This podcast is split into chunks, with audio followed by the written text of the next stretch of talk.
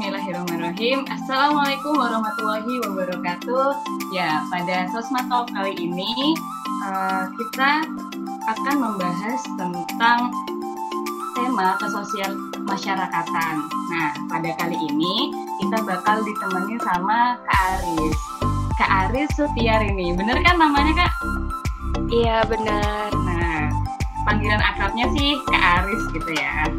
Nah, jadi uh, Aris, uh, Kak Aris ini hmm, yang aku tahu juga sudah berkecimpung di dunia sosial masyarakat udah lama ya. Kayaknya sebelum dia kuliah juga waktu SMA banyak kegiatan kesosial kesosial masyarakatan. Nah, kemudian pernah juga di Denvisip, kemudian di Sosma EM juga. Nah, terus uh, kalau nggak salah juga pernah jadi koordinator nasional di kesosamaan nasional ya itu nama forumnya apa ya Kak Aris ya? Iya, jadi aku pernah diberikan amanah untuk jadi koordinator nasional di Forum Nasional Sosial Masyarakat BEM se-Indonesia. Jadi uh, BEM-BEM ini kan punya Kementerian Sosial Masyarakat dan itu dijadiin hmm. satu nih di forum itu. Kayak gitu. Oh, oke okay, oke. Okay. Ah, mantap banget ya. Pokoknya nanti kita gali-gali lebih dalam nih pengalamannya di sosial masyarakat. Oke. Okay. Uh, eh, untuk membuka diskusi kita. Enggak sih bukan diskusi ya. Bincang-bincang santai kita pada kali ini. Aku mau nanya dulu nih tentang kenapa uh, Kak Aris itu memilih sosial masyarakat sedangkan banyak bidang lain ya seperti mungkin uh, ekonomi gitu kan di bidang keekonomian atau kalau di BEM tuh ada namanya KSDM dan banyak bidang lain lah kayak kajian astra gitu kan. Kenapa Kak Aris tuh memilih uh, dunia kesosialan masyarakat, sosial masyarakatan. Oke oke, aku coba jawab ya. Jadi banyak orang yang nggak tahu gitu kalau uh, aku ini masuk sosial masyarakat karena kecemplung gitu jadi nggak direncanakan gitu loh jadi uh, kan dulu itu ada nih namanya staf muda gitu kan kalau dulu sih namanya staf magang di BEM nah hmm. waktu itu sebenarnya aku daftar hal yang lain gitu, daftar kementerian lain namanya Kementerian Puskominfo gitu. Cuman karena pas SMA itu di desaku sering uh, ada kegiatan yang berhubungan sama sosial masyarakat gitu kayak mintain donasi dan lain sebagainya. Nah itulah yang aku taruh di CV. Ternyata kakak-kakak BEM waktu itu melihatnya aku lebih uh, baik katanya ya untuk dimasukin di sosial masyarakat ya, gitu. Cenderung. Iya, dan itu tuh sebenarnya dulu pas aku tahu aku masuk sosial masyarakat itu aku sedih gitu sampai kayak mau nangis karena aku nggak mau sebenarnya gitu. Karena uh, entah ya aku waktu oh. itu masih nggak ada effort gitu loh, nggak ada eh, nggak uh, ada passion lah intinya ya di situ karena pas SMA, ya? mm, bener karena pas SMA pun itu cuma ikut-ikutan aja kayak gitu nah tapi hmm. uh, gitu ya terus akhirnya kenapa aku ikutin aja gitu karena emang waktu itu aku mikir sosma ini menurutku adalah uh, tempat belajar yang paling mudah gitu. Karena kan kalau di kementerian lain biasanya kita harus punya skill dong. Ya meskipun sosma juga harus ada skill ya tapi uh, skill sosma itu hampir bisa dimiliki oleh semua orang gitu. Hampir bisa dipelajari secara cepat oleh semua orang. Sedangkan kan kalau yang tadi nih misal puskominfo kan aku harus belajar ngedit dan lain sebagainya.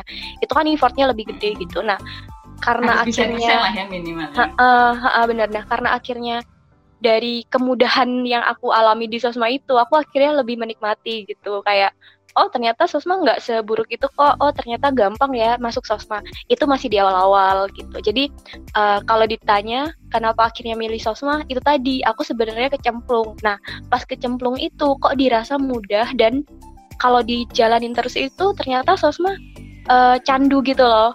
Ya gitu. Candu candu, susah. candu.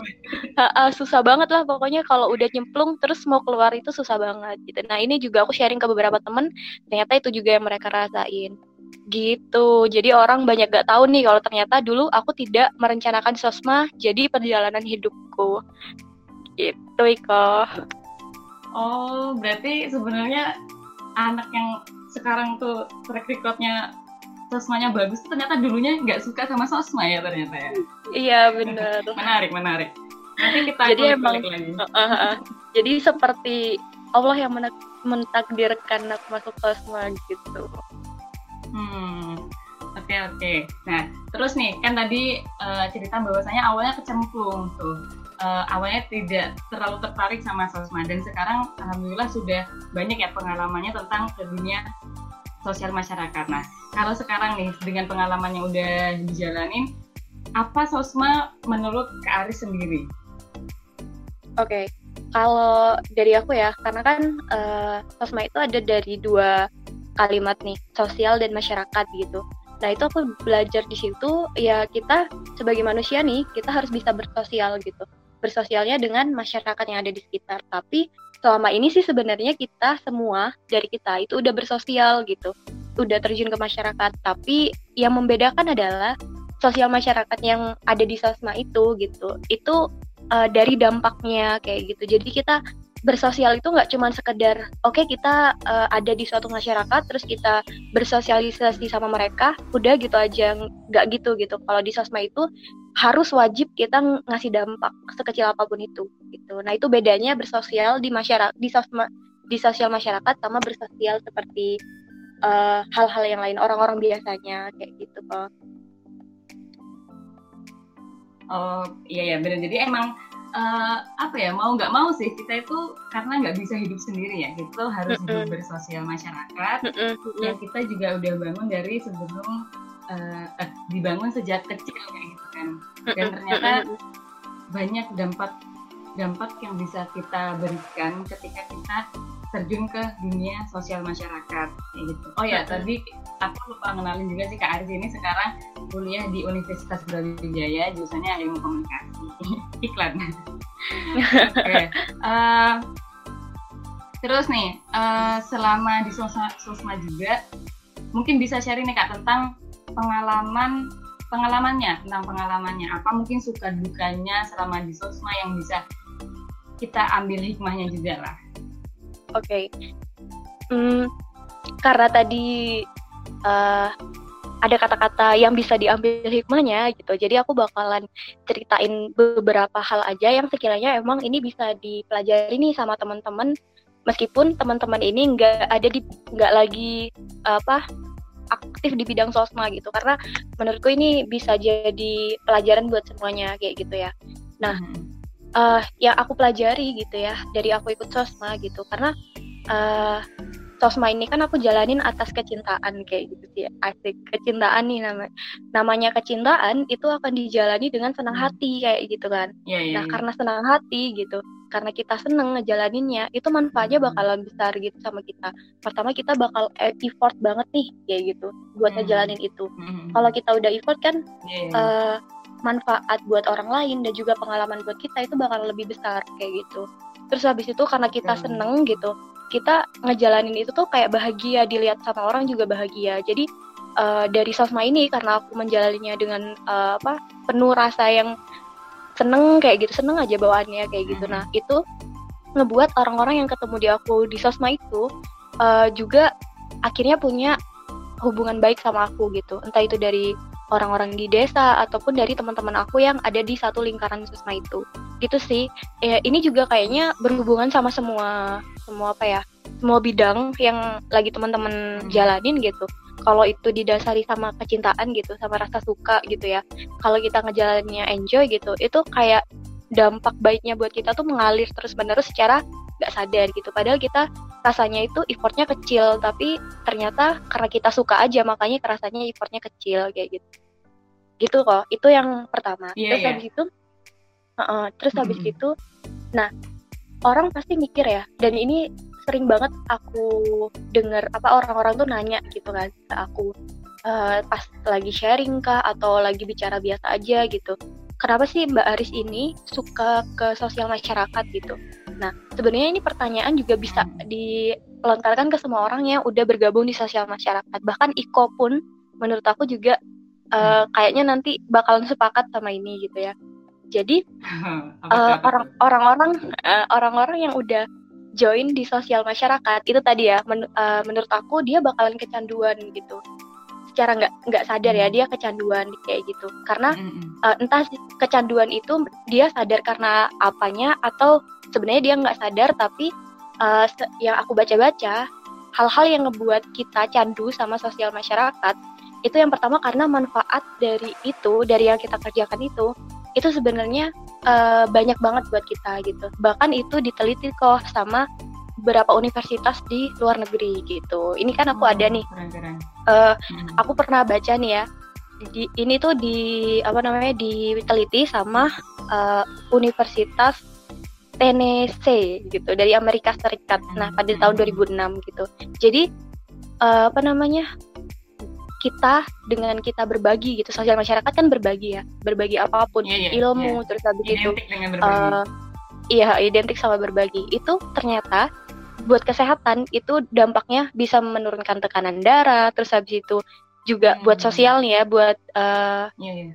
apa psikis kita itu ternyata juga meningkatkan kepercayaan diri terus terhindar dari depresi bahkan bisa bikin panjang umur kayak gitu-gitu merasa oh, lebih bahagia muda, terus muda.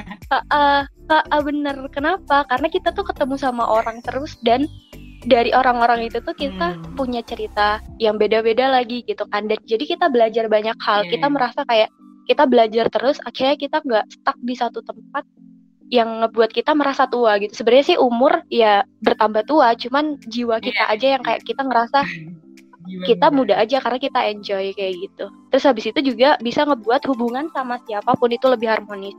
Karena kan di sosial masyarakat uh, kita kan tadi ya belajar bersosial. Terus habis itu uh, apa namanya? Karena kita dituntut untuk ketemu sama banyak orang, terus sama orang-orang itu kita dituntut untuk punya hubungan baik.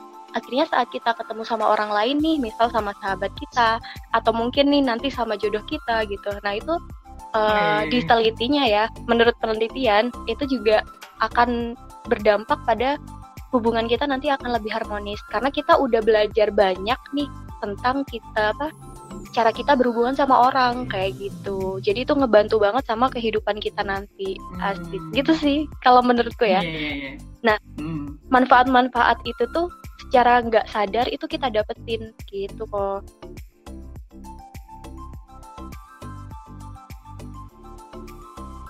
Halo. Oke, okay. tadi uh, sepakat nih, sepakat sama uh, ketika kita melakukan sesuatu itu emang harus berdasarkan apa ya kecintaan kita dulu kayak gitu. Udah seberapa jauh kita itu uh, ikhlas sih, ikhlas mungkin ya ikhlas dan berkomitmen untuk menjalani hal tersebut kayak gitu. Nah, kemudian ya tadi ya ada ada banyak pengalaman juga yang bener sih kalau uh, di sosmed itu kayak nggak tahu entah itu dia secara sadar atau tidak dia itu akan ngerasa punya kecintaan tadi loh kayak karena mungkin sedikit manfaat mungkin yang dikasih. Semisal kita punya ini kalau di organisasi kan kita punya program kerja gitu kan. Kita punya program mm -hmm. kerja. Mungkin emang dampaknya nggak terlalu nggak terlalu besar ya nggak yang semua semisal kita di Malang nggak semalang semua merasakan. Tapi dengan sedikit manfaat itu itu udah bikin wah aku udah berhasil kayak gini nih gitu. Aku udah bisa benar, benar. senang gitu. Bikin orang tersenyum tuh kayak kita jadi ikut senang juga nggak sih? Kayak gitu iya dan uh, dan uh? nah terus uh, terus uh, kalau nggak salah juga nih Karif di forum uh, nasional itu dulu pernah ke suku Baduy ya Kak Yaris iya benar. Nah, pengen tahu nih cerita tentang di sana gitu, karena uh, kebetulan sendiri kepo sih sama suku Baduy ini yang ya banyak rumor-rumornya lah ya, tapi belum punya kesempatan ke sana. Mungkin Kak Aris juga bisa nih cerita tentang ke sosial masyarakatan di sana tuh karena pernah ke sana. Oke, jadi aku ceritain dulu ya kenapa bisa akhirnya sos hmm, Forna Sosma itu itu ke Baduy gitu. Jadi yeah. di setiap tahunnya Forna Sosma itu punya program kerja nasional yang itu namanya ekspedisi nasional gitu. Nah ekspedisinya itu udah dilakuin di berbagai tempat gitu. Kayak yang dua tahun terakhir ini di uh, Riau waktu itu di des, dus, desa uh, Talang Mama di Riau gitu itu desa pedalaman. Nah untuk tahun kemarin di tahun 2019 itu kita berkesempatan untuk ekspedisi ke Baduy. Tadi kan udah aku ceritain ya. Sebenarnya kalau kita berbagi itu tadi melakukan pengabdian gitu kita bersosial masyarakat itu nggak cuman kita ngasih sesuatu gitu tapi kita juga dapat sesuatu jadi take and give hmm. gitu itu itu konsepnya yeah. nah uh, bentuknya macem-macem gitu. Sa uh, ini yang bisa aku sharing ya pas aku ke Baduy. Jadi saat kita mau berangkat ke Baduy karena kan ini dari BEM seluruh Indonesia gitu kan dan otomatis karena kita udah menurutku ya kita kan udah pengalaman untuk bikin program kerja pengabdian nih di BEM masing-masing. Jadi saat itu dikumpulin jadi satu wah itu kegiatannya bakalan wow banget gitu. Kita udah me memproyeksikan ini kegiatan bakalan keren banget. Karena ini uh, dari berbagai daerah gitu uh, apa namanya ide-idenya gitu kan. Dan kita udah buat ide-ide itu. Kita udah buat plan programnya seperti apa gitu. Nah sayangnya uh, pas kita udah terjun ke sana gitu ya, pas udah menginjakkan kaki ke Baduy gitu, saat kita udah apa mencoba untuk komunikasi sama sama apa namanya kepala sukunya suku Baduy kayak gitu. Ternyata kita tidak boleh melakukan kegiatan apa pun yang itu uh, bisa merubah budaya mereka kayak gitu. Termasuk juga waktu itu kan kita pengen ngajar uh, membaca kayak gitu kita pengen ada hmm. perpustakaan kecil-kecilan seperti itu kan. Nah, itu kan baik ya menurut kita ya. Itu baik diajarkan uh, ke suatu tempat atau daerah yang menurut kita itu terpencil gitu. Yang menurut hmm. kita belum punya akses untuk ke sana. Membaca itu menurut kita literasi itu adalah hal yang wajib gitu. Itu dasar banget gitu kan. Nah, ternyata uh, pas kita ke Baduy itu semua kayak terpatahkan gitu loh semua program-program kita tuh terpatahkan gitu. Nah, di situ aku belajar selama ini tuh kita ke warga gitu ya, kita ke masyarakat gitu. Kita merasa kita ini selalu punya hal baru, punya hal baik yang bisa kita share gitu. Tapi kita nggak sadar nih ternyata hal-hal baik yang tadi kita pikirin itu bisa aja ngerubah uh, budaya yang sebenarnya udah di apa namanya dijaga dan itu malah lebih baik untuk suku itu gitu atau untuk tempat itu gitu kan nah gitu dari Baduy itu aku belajar akhirnya kalau ya kalau kita mau bikin sesuatu ya kita harus uh, tetap adaptasi sama tempatnya gitu. Nah suku Baduy ini kan emang mereka bukan anti sih lebih ke menahan diri untuk tidak belajar hal baru atau belajar budaya di dari luar kayak gitu kan. Sekolah itu nggak ada pakaian pun tetap harus pakai pakaian mereka gitu. Bahkan waktu itu uh, kalau kita ibadah pun itu jangan sampai kelihatan mereka gitu. Jadi kan kita punya tempat tersendiri dan itu kalau ibadah kita harus di situ kayak gitu dan nggak hmm. boleh diliatin sama warganya gitu karena itu termasuk kan budaya luar kayak gitu kan. Gitu. Nah, hmm. uh, akhirnya yang tadinya kita sok-sokan ya mahasiswa nih keren nih dari berbagai daerah gitu kita ya, udah belajar banyak hal gitu ah uh, uh, bener kita sok-sokan nih kita datang ke Baduy kita pengen bikin sesuatu akhirnya di Baduy bukan kita yang ngasih sesuatu tapi kita malah yang dapat sesuatu. Jadi di situ kita yeah, lebih iya, iya. program kita akhirnya batal semua dan kita sehari harinya itu cuman ke warga-warga untuk sharing gitu. Sharing gimana mereka bercocok tanam sharing gimana mereka berpolitik gitu sharing gimana mereka gotong royong kayak gitu-gitu.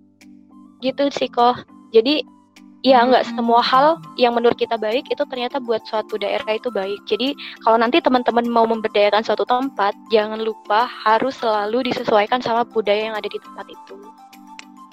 Iya iya iya benar banget ya emang makanya ada istilah ya kita harus observasi dulu lah ya harus survei tempat dulu karena ya it, kembali lagi Indonesia itu punya banyak kebudayaan banyak suku juga ya yang wah, keren banget ya emang Indonesia ini.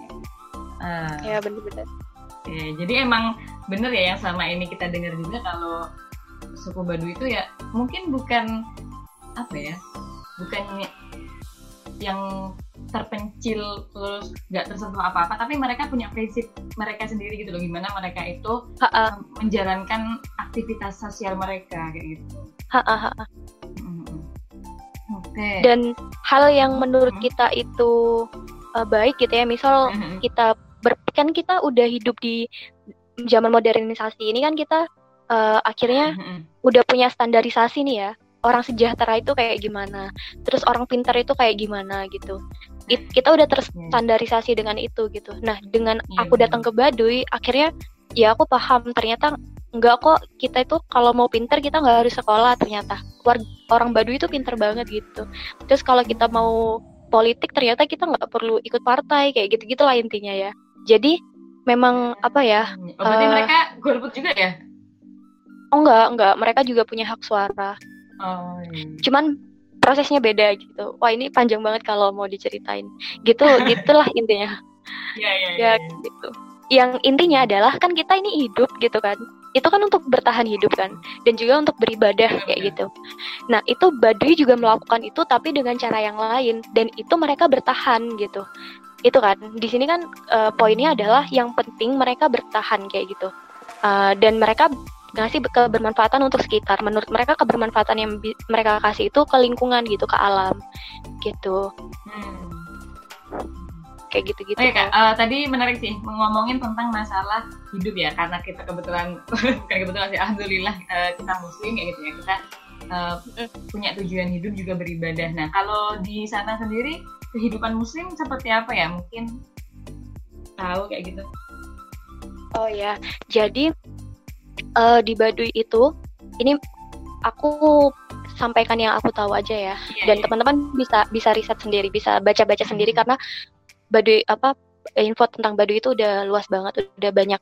Nah, jadi di Baduy itu uh, mereka tidak agamanya nggak kayak kita kayak gitu. Jadi nah, agamanya itu kalau waktu itu ya diperkenalkannya sebagai Sunda Wiwitan kayak gitu. Hmm. Konsepnya sama. Di situ ada satu zat yang mereka percayai uh, sebagai apa pencipta mereka, sebagai Tuhan kayak gitu. Tapi hmm. memang definisinya beda sama kita kayak gitu uh, gitu jadi Sunda Wiwitan seperti Jawa zaman dulu tapi mereka nggak ah, mau disamain seperti itu gitu uh, jadi emang ini Sunda Wiwitan kayak gitu nah tapi udah ada orang Islamnya loh ini mungkin teman-teman nggak nggak tahu ya hmm. jadi udah ada uh, kelompok Baduy itu yang udah mualaf kayak gitu tapi uh, oh. karena memang karena memang apa namanya di Baduy itu kan banyak banyak kalau kita sebutnya apa ya uh, desa gitu atau jadi tempatnya itu terbagi gitu loh. Jadi ada kelompok yang di sini, di sini, di sini kayak gitu kan. Sampai ada di yang paling dalam itu namanya suku Baduy dalam kayak gitu. Nah, mereka yang ingin apa namanya ingin mengeksplor mengeksplorasi hal luar kayak gitu, mempelajari hal luar termasuk Islam, itu kan hal luar kan menurut mereka hmm. hal yang baru yeah, gitu. Nah, mereka mereka harus keluar dari Baduy kayak gitu. Jadi hmm. uh, akhirnya yang itu ya waktu itu aku apa dapat gitu ceritanya. Akhirnya kelompok yang sudah mualaf ini mereka membangun uh, kelompok baru gitu atau tempat tinggal baru itu di luar di luar Baduy gitu. Jadi di luar Baduy dalam sama di luar Baduy luar kayak gitu. Itu uh, aksesnya lebih mudah ke desa yang udah modern. Jadi mereka di situ tapi tempat tinggal kayak baju itu masih masih ada kesamaannya. Cuman memang di situ mereka ini udah apa mengenal Islam kayak gitu. Wah, Insya Allah ya Amin. Oke uh, tentang uh, pengalaman di Baduy ini. Uh, kalau sekarang nih kak uh, yang pernah saya tahu juga nih. Jadi waktu di EM ya dulu tuh punya desa binaan gitu kan dari sosmanya EM itu di mana tuh kak? Uh, desa binaannya di mana dan apa yang dilakukan oleh Tosma di desa tersebut? Oke, okay. uh, eh, jadi kita punya dua tempat binaan gitu ya. Yang satunya di desa, yang satunya di kampung gitu. Jadi hmm. di Sosma EM ini di tahun 2018 sama 2019 itu sama karena kita kan melanjutkan. Kalau hmm. yeah, yeah. yang di desa itu namanya Abdi Desa itu ada di Desa Tawangsari, Kecamatan Pujon. Kalau teman-teman mau ke Kediri itu pasti lewat situ. Terus lewat. habis itu Ha, terus habis itu yang kedua itu di kampung. Nah, yang di kampung ini namanya Brawijaya Urban Social Project atau Buspro. Nah, itu ada di uh, Kampung Biru Arema. Itu di hmm. dekat kampung warna-warni Jodipan. Yeah. Gitu. Yang yang kita lakuin sebenarnya Ha, bener-bener yang lebih identik sama Arema gitu. Nah, yang kita lakuin yeah. itu sama sih sebenarnya kalau dari landasan ya.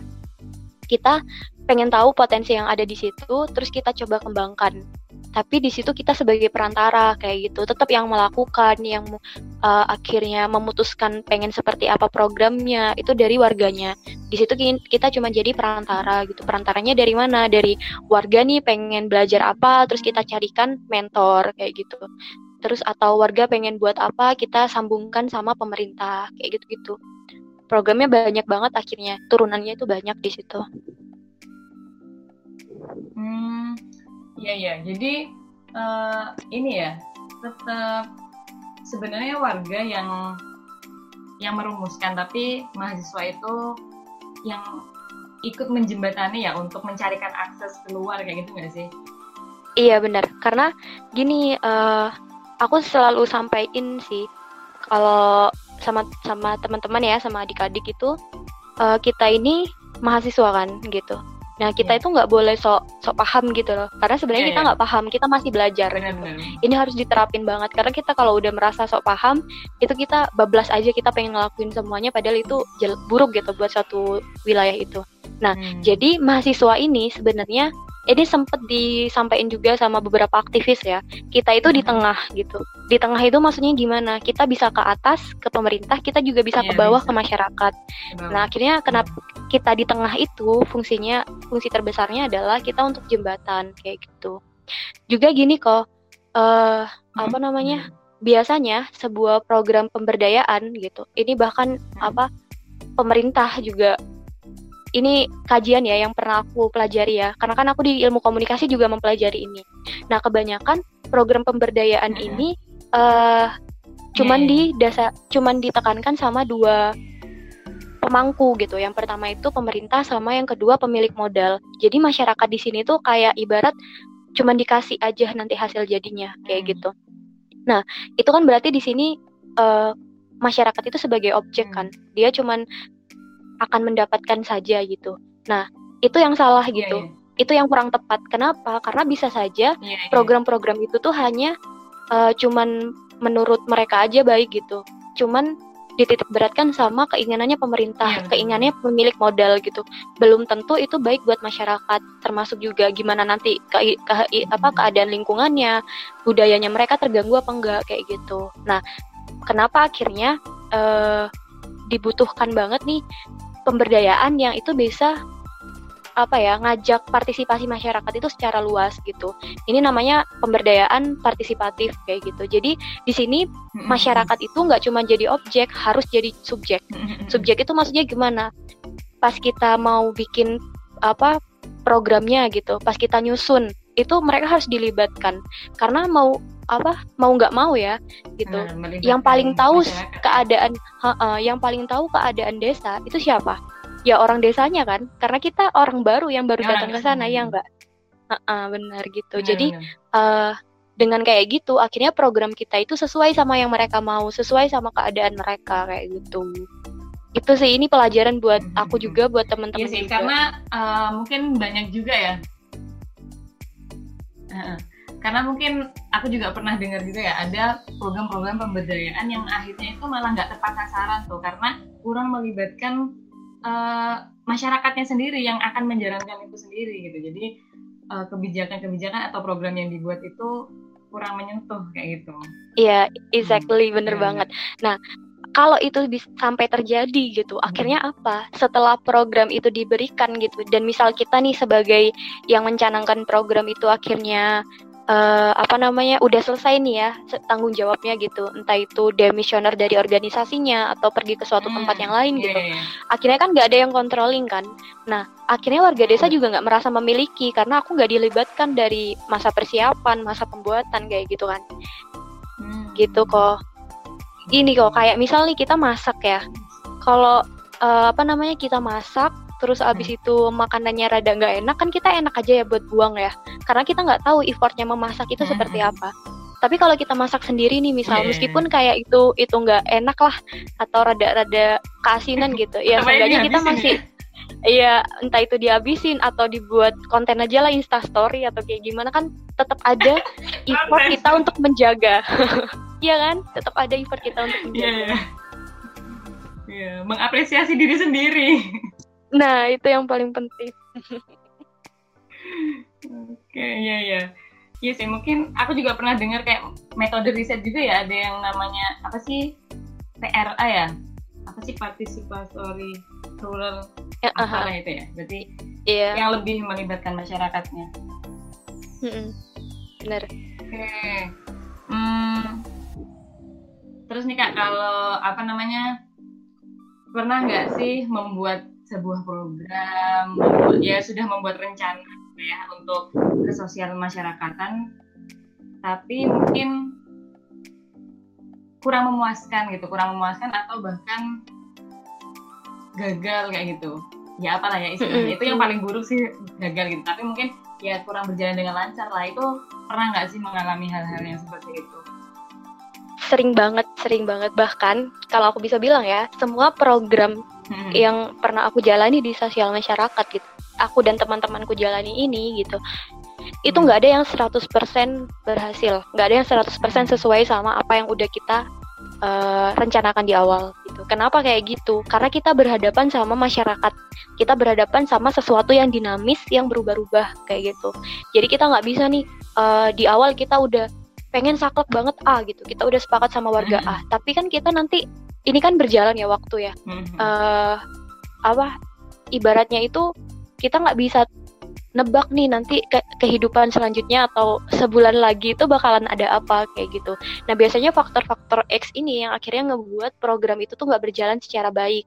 Entah hmm. entah karena faktor lingkungan atau ternyata karena uh, effort dari warganya udah berkurang atau karena warganya tiba-tiba mut-mutan pengennya berubah berubah program kayak gitu. Nah itu sering banget dihadapin kayak gitu. Cuman hmm. kalau uh, itu tadi ya karena kan di sosma ini menurutku tugasku itu nggak cuman ngasih sesuatu ke orang, tapi aku juga harus dapat sesuatu dong dari mereka kayak gitu. Nah, akhirnya meskipun itu programnya uh, apa kurang berhasil atau bahkan mendekati gagal, seenggaknya tetap ada pelajaran yang bisa kita uh, pelajari bersama gitu. Entah itu aku sama teman-temanku atau sama warga kayak gitu jadi selalu ada yang bisa dipelajari lah dan itu akhirnya nge-upgrade diri kita nih untuk ke depannya yeah. kita harus seperti apa seperti apa kayak gitu kok Iya, iya, iya. Jadi teman-teman, teman-teman nih kalau mau hmm, hmm. bikin program pemberdayaan gitu, terus sebulan udah udah pede nih, oke okay, kita udah fix nih programnya ini, terus sebulan kemudian hmm. ada masalah gitu,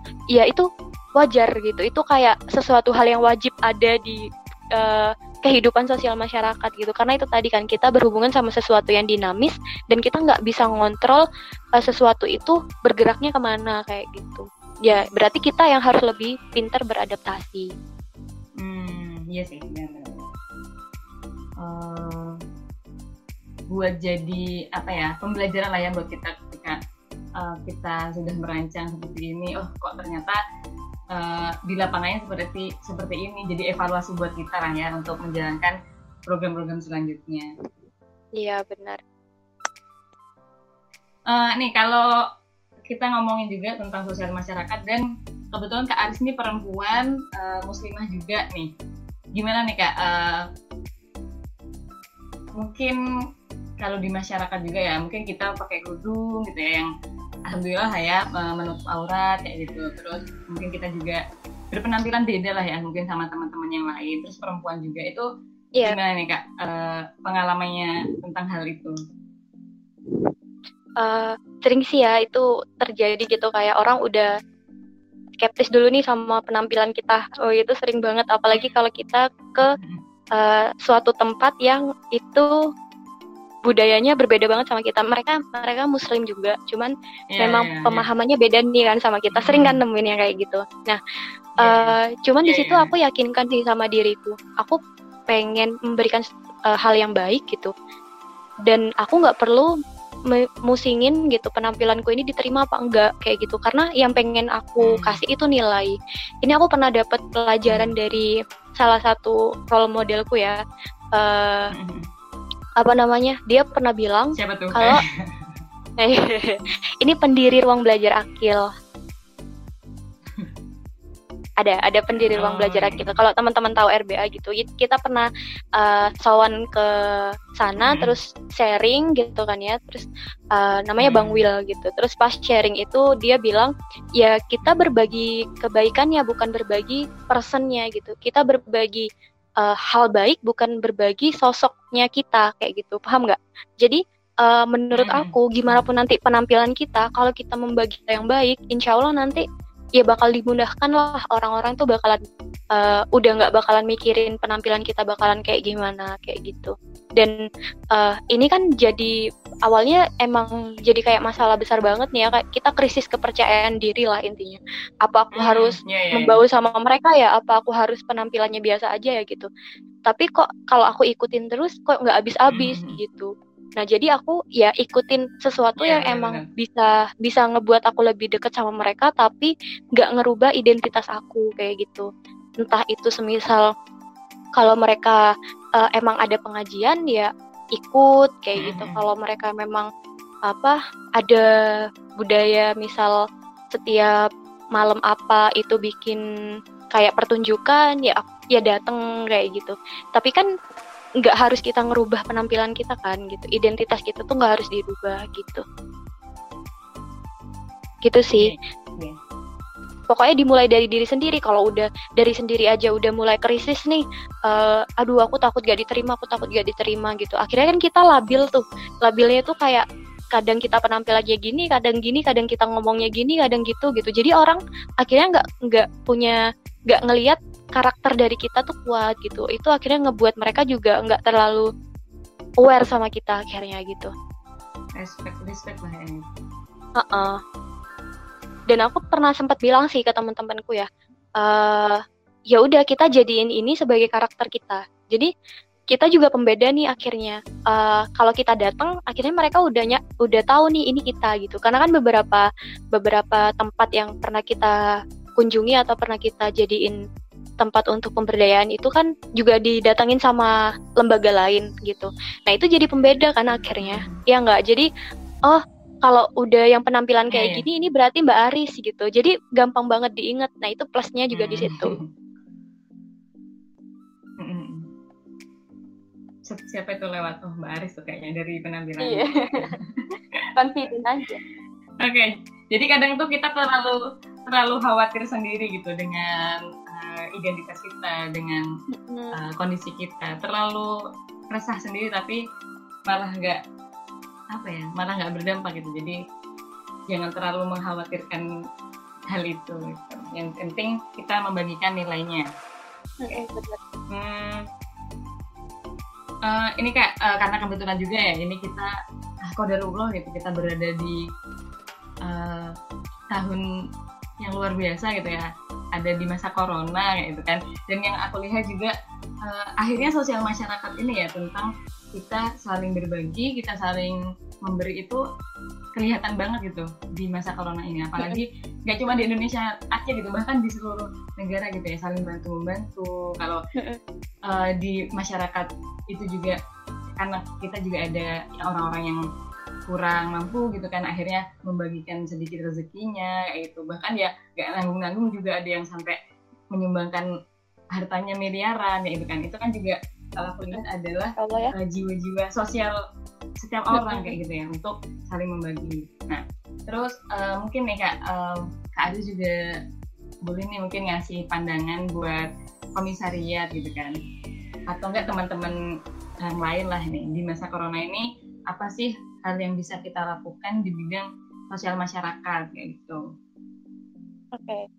uh, gini ya, jadi kan sosial masyarakat atau pengabdian ini kan sebuah proses ya. Menurut aku ini sebuah proses gitu bukan kayak satu kegiatan gitu. tapi ini ada ada beberapa kegiatan yang akhirnya jadi satu. Apa aja nih? Kalau aku biasanya bagi jadi tiga.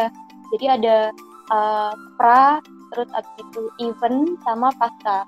Jadi uh, pranya itu ya kita persiapan terus di event itu kita pas kegiatan terus di pasca itu kita evaluasi kayak gitu-gitu kan biasanya Nah, uh, ini sering banget ditanyain juga pas aku sharing ke berbagai tempat juga ya selama corona ini pasti pasti banget ada pertanyaan kak ini kan kita lagi corona nih lagi covid-19 gitu kita hmm. nggak hmm. bisa ke mana-mana kita nggak bisa ngelakuin apa-apa terus apa nih yang bisa kita lakuin kayak gitu nah menurut aku karena pemberdayaan atau pengabdian ini sebuah proses gitu jadi kita nggak harus fokus ke kegiatannya aja ke masa kegiatan aja gitu hmm. tapi kita juga bisa dong kita lebih fokus sih untuk kali ini kita ke pra pelaksanaan gitu jadi yang aku saran-saran yang aku saranin ke teman-teman ini kita bisa juga loh uh, kita ngasih ilmu dulu nih yang banyak buat diri kita. Kita memperbanyak ilmu hmm. dulu nih, kita memperbanyak insight, entah itu dari membaca, dari ikut seminar, dari dengerin podcast kayak gini dengan sharing sama orang lain gitu. Jadi kan insight kita lebih banyak, ilmu kita lebih hmm. banyak gitu. Nah, nanti setelah COVID-19 ini selesai gitu ya, semoga cepat selesai gitu nah kita langsung Amin. bisa mempraktekkan itu kayak gitu nah jadi emang kalau lagi COVID-19 ini uh, lagi masa pandemi gini kita nggak bisa maksain gitu apalagi aku ya yang emang notabene ini uh, program yang aku jalankan itu selalu berhubungan sama masyarakat kayak lebih hmm. banyak interaksi sama masyarakat tapi kan emang lagi nggak boleh kan lagi nggak bisa gitu dibatasi hmm. daripada nanti kita maksa terus habis itu memberikan dampak yang buruk buat masyarakat gitu hmm. uh, entah itu ada yeah, ada yang yeah, iya. akhirnya tertular kan itu malah lebih resiko. lebih menakutkan kayak gitu. Resiko banget gitu. Jadi itu sih menurut aku kita kalau untuk sekarang ini momen gitu ya ini waktu untuk kita memperbanyak ilmu itu tadi kita banyak-banyak belajar gitu. Jadi nanti pas ini semua selesai kita bisa langsung jadi orang yang expert lah kayak gitu. Karena uh, gini biasanya tuh ya orang mau bikin program pemberdayaan itu hmm. mereka cuma berdasarkan ibanya aja iba nih sama tempat ini terus aku pengen nih gitu tapi nggak paham apa yang dilakukan gitu nah orang-orang ini biasanya juga berpikir ini kan kayak yang aku pikir di awal tadi ya, yang aku cerita oh ternyata sesma gampang ya itu pikiran awalku tapi saat hmm. kita terjun semakin dalam hmm. itu ternyata susah butuh juga hmm. uh, apa namanya uh, kayak kita butuh ilmu juga kita juga butuh pengalaman kayak gitu-gitu Nah, itu tadi gitu. Nah, teman-teman kalau mau bikin program pemberdayaan ya harus kita punya dulu nih ilmu-ilmunya. Karena ini ibarnya kita teko ya. Tahu teko kan kok ceret-ceret bahasa Jawanya yes. tuh ceret. Iya, iya, ceret. ya, kita ibaratnya kita sebuah teko gitu. Terus kita punya 100 gelas gitu. Kalau tekonya kosong gimana kita bisa ngasih air di banyak gelas itu gitu kan? Berarti apa? Ya tekonya harus dipenuhi dulu Keisi dong dulu. kayak gitu.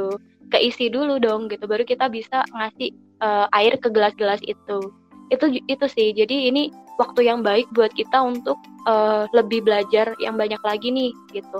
Ap apalagi nanti teman-teman ini kan sekarang lagi di desanya masing-masing juga uh, kesempatan buat teman-teman buat lebih paham sama keadaan desanya gitu. Diskusi sama orang sekitarnya. Desa ini tuh sebenarnya punya masalah apa gitu. Siapa tahu nanti kalau udah lulus bisa berperan di desanya masing-masing dulu baru nanti melalang buana ke penjuru dunia lain kayak gitu. Iya iya iya. Jadi benar sih uh, di masa pandemi kayak gini kalau tadi kata Karis lebih ke perannya dulu ya kita perdalam lagi ilmunya dalam lagi uh, wawasannya baca yang banyak sehingga nanti ketika memang udah selesai kita bisa langsung implementasi kan oke okay, jadi nah, karena kita udah cukup lumayan panjang bincang-bincang kali ini mungkin Kak Aris bisa ngasih apa ya uh, ucapan-ucapan ucapan-ucapan nasihat bukan nasihat ya closing statement lah ya kalau biasa di acara-acara tuh closing statement buat Sosma Talk kali ini oke okay. uh, eh, sederhana aja ya kita kan selalu berpikir kalau masalah di dunia ini atau bahkan masalah di Indonesia ini tuh banyak banget gitu. Nah, karena banyak itu gitu ya, kita harus mulai aksi nih kecil-kecil dulu gitu. Karena gimana hal besar ini bisa kita atasi kalau kita tuh nggak aksi dari yang kecil-kecil dulu kayak gitu. Jadi buat temen-temen ya, kalau memang merasa ada yang yang salah nih sama daerah sekitarnya, ada masalah sama Indonesia kayak gitu. Ayo mulai awal nih kita pupuk dulu nih. Seenggaknya kita pupuk dulu kesadaran kita kayak gitu karena biasanya uh, yang selalu aku sampaikan ke teman-teman juga ya, uh, dengan kita ikut sosma gitu, meskipun nanti kita nggak jadi uh, apa namanya tenaga yang ada hubungannya sama sosma gitu. Nanti karir kita nggak ada hubungannya sama sosma. Yang penting dari awal tuh kita udah dipupuk dulu. Dipupuk apa kepeduliannya? Dipupuk apa uh, hubungannya sama orang lain? Kayak gitu. Dipupuk apa uh, tentang kita tahu masalah yang ada di Indonesia. Jadi nanti jadi apa pun kita kita akhirnya jadi orang yang mengakar kayak gitu. Kita paham nih uh, masalah yang ada di akar rumput kayak gitu-gitu. gitu sih saran dari aku ya buat teman-teman. Uh, yaitu jangan ragu buat ikut sosma. Terus di sosma ya aksi kecil-kecil aja dulu gitu. Yang penting kita udah paham kita mupuk uh, rasa kepedulian kita tuh dari sekarang kayak gitu. Ya ya karena semua itu tentang kepedulian dan kepekaan kita ya terhadap sesuatu. Iya benar. Oke. Okay. hmm, ya mungkin uh, pada Sosmato kali ini sekian ya bincang bincang cerita tentang dunia ke sosial masyarakatan ya semoga uh, teman-teman yang mendengarkan juga bisa mengambil hikmahnya bisa mendapatkan manfaat dari hal ini gitu dan uh, jangan ragu gitu kan kita uh, pelajari gitu mendalam tentang uh, dunia sosial masyarakat. Oke, uh, sekali lagi terima kasih kepada Kak Aris yang udah bersedia meluangkan waktunya uh, di Sosmato kayak uh, kali ini. Semoga kita bisa ngobrol-ngobrol lagi mungkin di lain kesempatan. Oke, kurang lebihnya uh, kurang lebihnya mohon maaf. Saya tutup. Wassalamualaikum warahmatullahi wabarakatuh. Waalaikumsalam warahmatullahi wabarakatuh.